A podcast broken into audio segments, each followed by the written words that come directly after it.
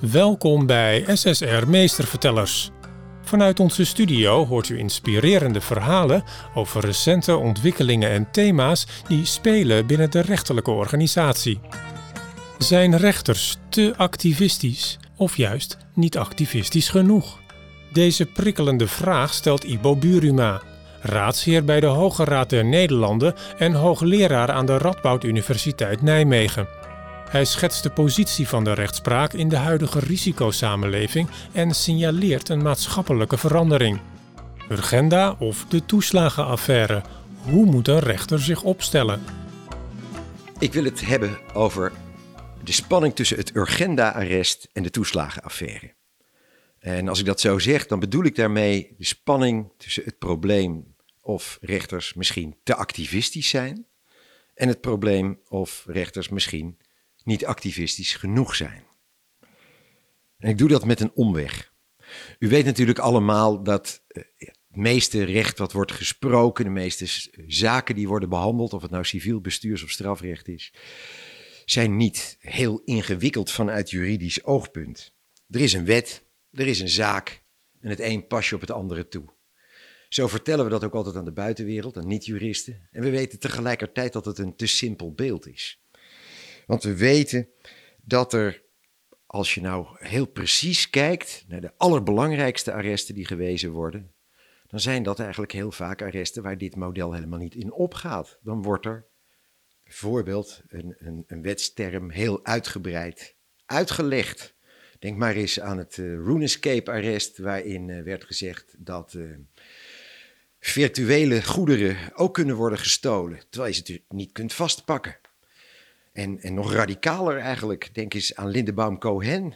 Dan blijkt plotseling niet meer de wet, maar wat in het maatschappelijk verkeer betamelijk is van belang te zijn. Of denk aan Saladin, HBU, eh, beroemd arrest waarin gesproken werd over de derogerende werking van de goede trouw, wat ik al hele moeilijke woorden vond, maar het kwam er gewoon op neer.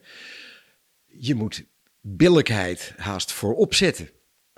En denk eens aan de uitvinding van de algemene beginselen van behoorlijk bestuur allemaal bedenksels van rechters die niet in de wet stonden en die ongelooflijk essentieel zijn en die op het moment dat ze werden bedacht pasten in een bredere trend.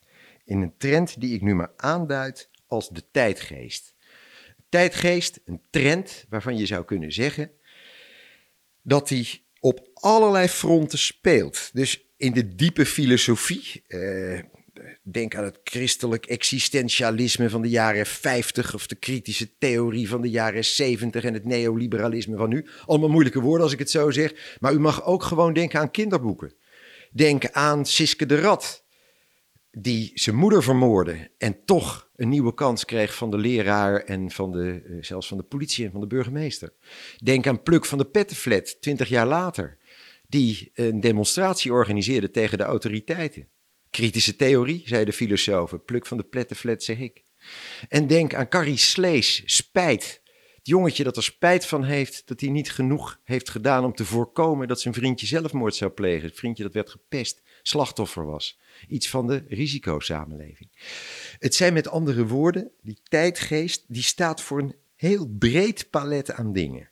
En die tijdgeest verandert en die verandert eigenlijk in periodes van 20, 25 jaar wederopbouw, een grote culturele revolutie van de jaren 70. Toen kwam de risicosamenleving, nou, ergens aan het eind van de jaren 90. En dan zou je zeggen, breekt er nu een nieuwe tijd aan. En als we daarover denken, breekt er nu een nieuwe tijd aan, dan heb ik iets uit te leggen. Maar dan heb ik ook iets uit te leggen wat we kunnen gebruiken bij die vraag waar het om gaat. De spanning over het punt is de rechter te activistisch of, of is hij niet activistisch genoeg? Want daar gaat het om. Maar ik maakte een omweg.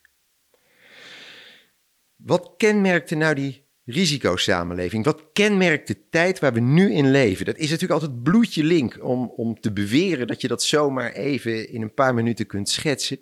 Maar ik denk dat ik een paar trefwoorden kan nemen die, die toch eigenlijk door iedereen wel gedeeld zullen worden duidde dat begin aan aan het eind van de jaren 90. Ik had ook kunnen zeggen ergens tussen Tsjernobyl 1986 en 9-11. de, de aanslag op de Twin Towers. Op dat moment ging er iets veranderen in de samenleving, wat erop neerkwam dat het algemene wantrouwen tegen autoriteiten, kritisch zijn op, op autoriteiten, geleidelijk aan plaats maakte voor een appel op autoriteiten. Het verlangen dat de autoriteiten voor jouw veiligheid zorgen, voor jouw gezondheid zorgen, voor jouw werk en inkomen en woningen en dat soort dingen zorgen. Het appel, kortom, dat in de plaats komt van blijf van me af. De overheid krijgt positieve verplichtingen in plaats van alleen maar negatieve verplichtingen. Het komt het beste eigenlijk tot uitdrukking in, in 1987 in de Brundtland-commissie, die dan in verband met het klimaat zegt van er moet een voorzorgbeginsel bestaan. Dat wil zeggen, de overheid moet voorkomen dat er in een samenleving beslissingen worden genomen die onomkeerbare schade teweeg brengen. Dat hebben staten, overheden, burgers zich eigen gemaakt, die gedachte. Die gedachte is neergelegd in allerlei bestuurswetten. En het idee dat je eigenlijk vooruit moet kijken werd steeds vanzelfsprekender. Ook in het strafrecht. In die tijd worden voorbereidingshandelingen strafbaar gesteld. Dat waren ze daarvoor niet. In die tijd krijgt ook het slachtoffer in het strafprocesrecht een steeds grotere nadruk. We willen voorkomen dat mensen slachtoffer worden. We kunnen immers allemaal slachtoffer worden. Dat was een gedachte die daarvoor niet bestond, want daarvoor was het idee. We kunnen allemaal als dader aangemerkt worden. We verschrijven ons allemaal wel eens met de belastingen. Of we, we worden betrapt terwijl we door het rood lopen. Of weet ik veel wat. Nee, het perspectief veranderde. De overheid krijgt een taak. Daar wordt iets van verwacht. Dat lijkt zich moeilijk te verdragen met dat neoliberalisme, wat dan ook opkomt. Maar dat is schijn. Want het neoliberalisme, in onze gewone spraakgebruik werd er toen gesproken van de participatiesamenleving. Dan was het idee, wij van de overheid kunnen dat niet alleen, alle burgers moeten daaraan meedoen. Als je het zo zegt, is daar niks mis mee.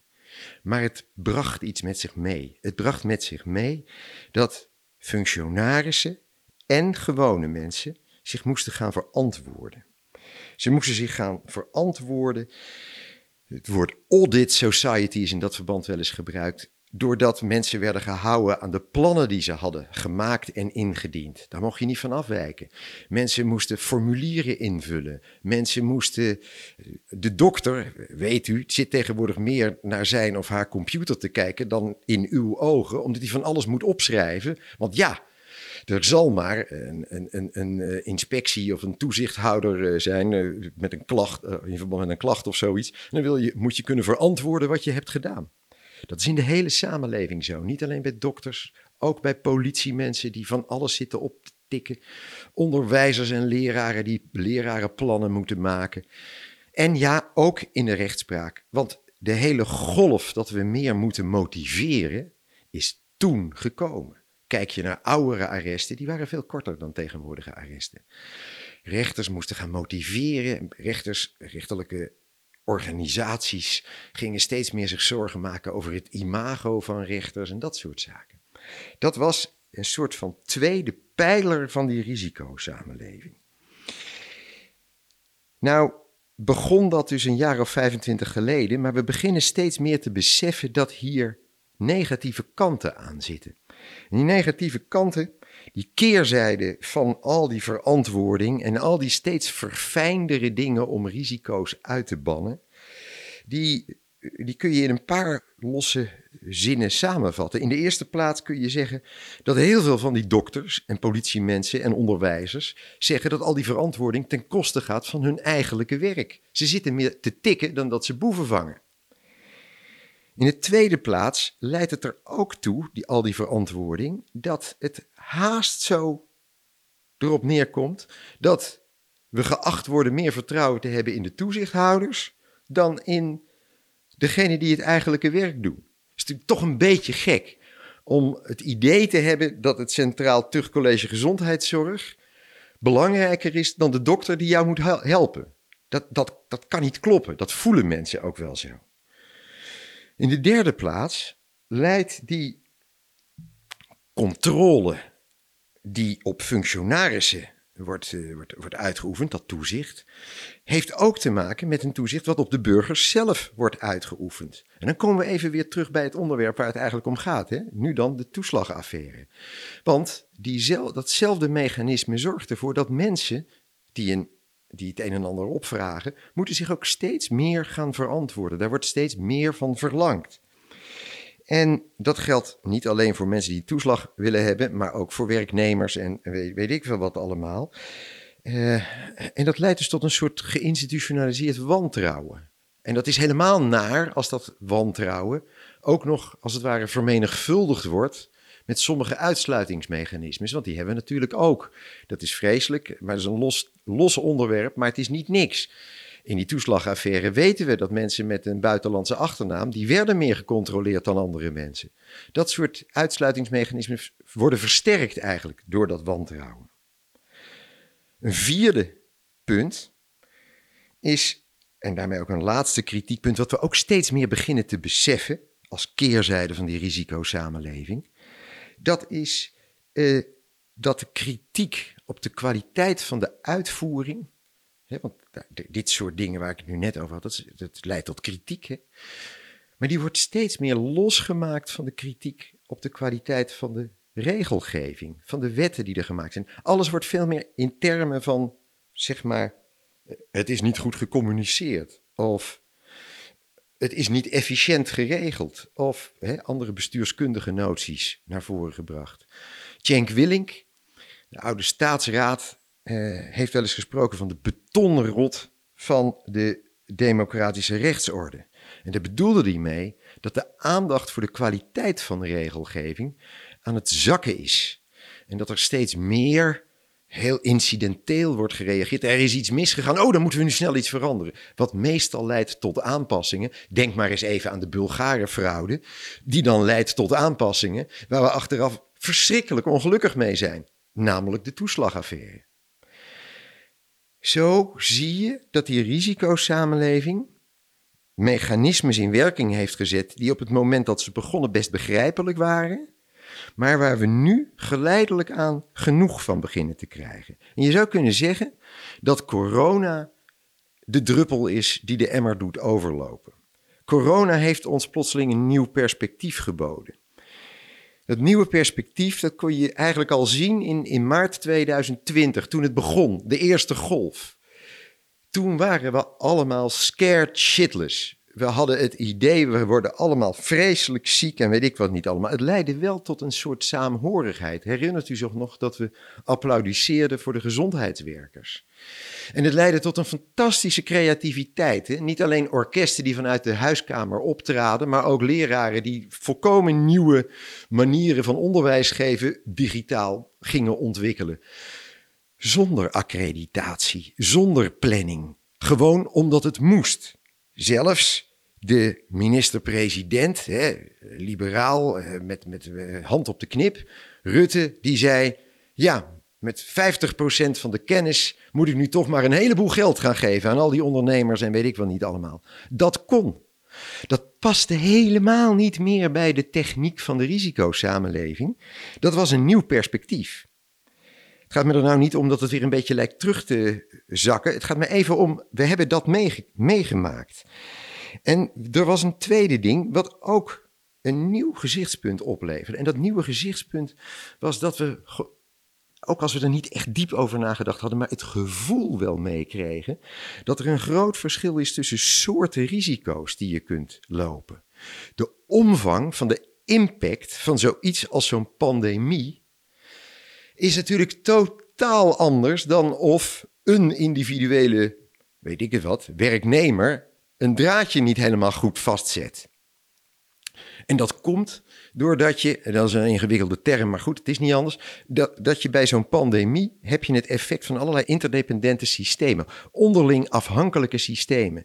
Daar heb je een markt in China waar raar vlees wordt gegeten. Daar heb je reizigers van China naar de rest van de wereld.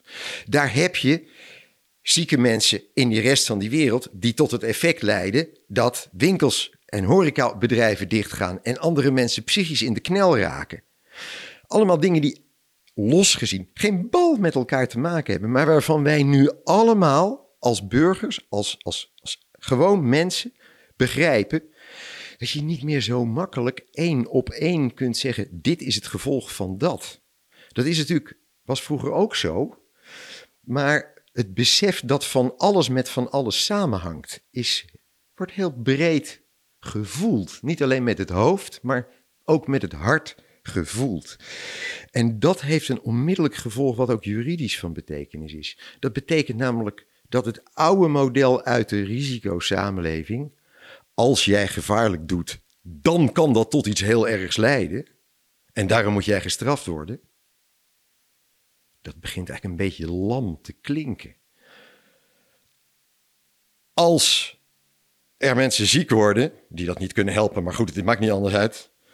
Dan raakt het ziekenhuis vol en daarom moet jouw bedrijf nu dicht. Dit is een lichtelijk bizarre samenvatting. Dat begrijpt iedereen. Het is helemaal niet zo snel als dan. Het heeft wel met elkaar te maken. Maar het gevoel dat iedereen altijd maar op alle blaren moet zitten. wanneer er een heel klein stukje mis is gegaan in wat hij deed. wordt eigenlijk minder voor de hand liggend. Je gaat eigenlijk meer naar elkaar kijken en wat dat betreft een beetje deernis voor elkaar krijgen. Dat idee van een soort gemeenschappelijk, want van allerlei dingen afhankelijk, interdependente uh, effecten. Uh, dat, dat idee, dat formuleren mensen misschien een beetje anders, maar voelen het heel breed zo. En dat zou dus wel eens het begin kunnen zijn van die afrekencultuur. Dat zou de druppel op de, zeg maar, over de, van de emmer uh, heen kunnen zijn. Van die afrekencultuur waarbij we ontzettend streng waren als iemand een hokje verkeerd had aangekruist. Want dan was hij wel een soort van fraudeur. Nou ben ik zo langzamerhand toch op het moment dat ik moet terugkeren naar de vraag. De vraag, urgenda of toeslagaffaire. Te activistisch of niet activistisch genoeg? Hoe moet een rechter zich opstellen? Wat betekent wat ik nou net vertelde daar nou voor? Nou, het betekent natuurlijk niet dat wij voortaan de ogen moeten sluiten voor grote risico's. Voor dat soort complexe risico's als zo'n pandemie of als het klimaat of watersnood of weet ik veel wat. Tuurlijk niet. Wat dat betreft kun je je best voorstellen dat rechters, ala in urgenda, nog steeds grote stappen durven te zetten. Aan de andere kant denk ik dat we misschien wel aan het, het, moment staan dat we zeggen dat we moeten gaan stoppen met die overspannen afrekencultuur en met een te simpele risicoperceptie. Zoals dat in de toeslagenaffaire gebeurde. En dat brengt mij dan op die vraag die ik stelde. Het een of het ander. Als het ware twee horens van een dilemma. Hè? Je wordt geprikt door te activistisch of te weinig activistisch. Je moet een dilemma altijd oplossen door tussen die twee horens door te springen. En hoe doe je dat? Door naar de zaak te kijken die voor je neus ligt. En die zaak die voor je neus ligt, die zal doorgaans natuurlijk weer betekenen dat je gewoon doet wat je altijd al deed. Dat zal in de nabije toekomst steeds meer ook computergestuurd worden. De computer zal heel vaak het goede antwoord geven, maar soms niet. Zoals de computer het goede antwoord geeft, omdat er al allemaal protocollen in zitten opgeslagen of oriëntatiepunten. En al die dingen die de risicosamenleving inderdaad heeft opgeleverd. En waar we nu steeds handiger in zijn geworden. Die hebben ook steeds meer besef teweeggebracht. Maar het moet uiteindelijk wel billig zijn. Je moet in dit geval deze persoon geven wat hem of haar toekomt. En dat betekent soms dat je eigenlijk best gelooft in gewoon ruksigloos toepassen van een algoritme. Denkt u maar aan te hard rijden over de snelweg. Daar zit echt geen, geen rechter of persoon meer tussen om u die boete te geven. Dat gaat 100% door de robot. Totdat u zegt, maar ik kom er tegenop, want op de achterbank lag mijn vrouw te bevallen en daarom reed ik te hard en daarom wil ik nu een lagere straf hebben of geen straf. En dan ben je bij die rechter die moet zeggen van, oké, het protocol zegt simpel, je moest je rijbewijs inleveren, want je reed veel te hard. Maar onder deze omstandigheden is er reden om daarvan af te wijken. Natuurlijk, dat doen we. Dat is billijkheid. Kijken naar de bijzonderheden van de zaak. En zo zal het ook steeds meer worden dat juist omdat iedereen via de computer wel kan vinden hoe het ongeveer met zijn rechten zit, dat de vraag we hebben hier een geschil en we weten wel hoe we het moeten oplossen, maar we willen zo graag uit het probleem komen. Die zal steeds meer naar voren komen. Daar zijn rechters ook al mee bezig, hè? maatschappelijk effectieve rechtspraak. Het idee dat het niet alleen gaat over wat is de goede uitkomst van dit juridische spulletje, maar hoe lossen we dit probleem wat achterliggend is eigenlijk op? En zo moeten bestuurders, schakel ik naar het bestuursrecht, die zitten nu soms diep na te denken hoe het moet met bestuurlijke boetes en dwangsommen en dat soort dingen. Terecht zijn er heel veel bestuurlijke instanties die veel meer waarschuwingen uitdelen en adviezen geven dan boetes en dwangsommen.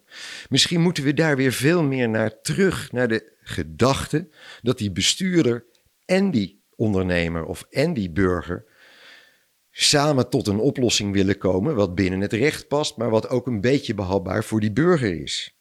En tenslotte geldt hetzelfde binnen het strafrecht.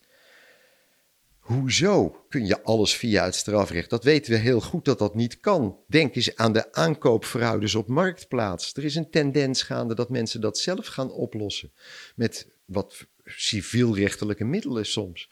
Daar is natuurlijk helemaal niks tegen.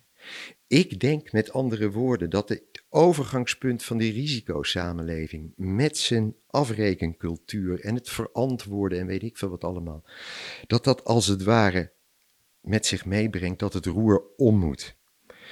En dat we toe moeten naar een samenleving die meer van die interdependentie doordrongen is. Van het idee dat eigenlijk iedereen zijn best wel doet, maar dat er soms dingen misgaan bij die burger en bij die overheid. Die overheid die soms het vaccineren niet handig organiseert. Die burger die soms inderdaad niet verstandig bij elkaar opeenhoopt in het Vondelpark. Tuurlijk. En dat betekent dus dat die overheid in de toekomst een beetje moet geloven in het professionele inzicht van die mensen die aan het werk zijn en die zich misschien niet helemaal kunnen verantwoorden. En dat die overheidsfunctionarissen een beetje vertrouwen geven aan die cliënten en hun eigen controledrift wat beteugelen, terwijl omgekeerd die cliënten een beetje vertrouwen terug moeten geven aan die overheid of aan die professionals en moeten beseffen dat de schooljuf of de dokter of de politieagent het soms echt beter weten dan jij zelf. En netto betekent het voor die rechters, voor u, dat u ook niet puur en alleen die wet toepast en die regeltjes daarbij invult en helemaal keihard comply or explain doet. Maar dat u blijft kijken, wat is nou billig? Is er reden om af te wijken van het enorme pakket aan regels waar mensen nu mee te maken hebben? En als u dan zegt, ja, maar dat is slecht voor de rechtseenheid, dan moet u maar zo bedenken. Ach, de Hoge Raad, of misschien in de toekomst vooral de computer, zal wel voor die rechtseenheid zorgen. U bent er juist voor om het bijzondere geval te beoordelen op zijn eigen merites. Ieder het zijne, daar gaat het om. Dit was SSR Meestervertellers. Wilt u op de hoogte blijven? Abonneer u dan op onze podcast. Graag tot een volgende keer.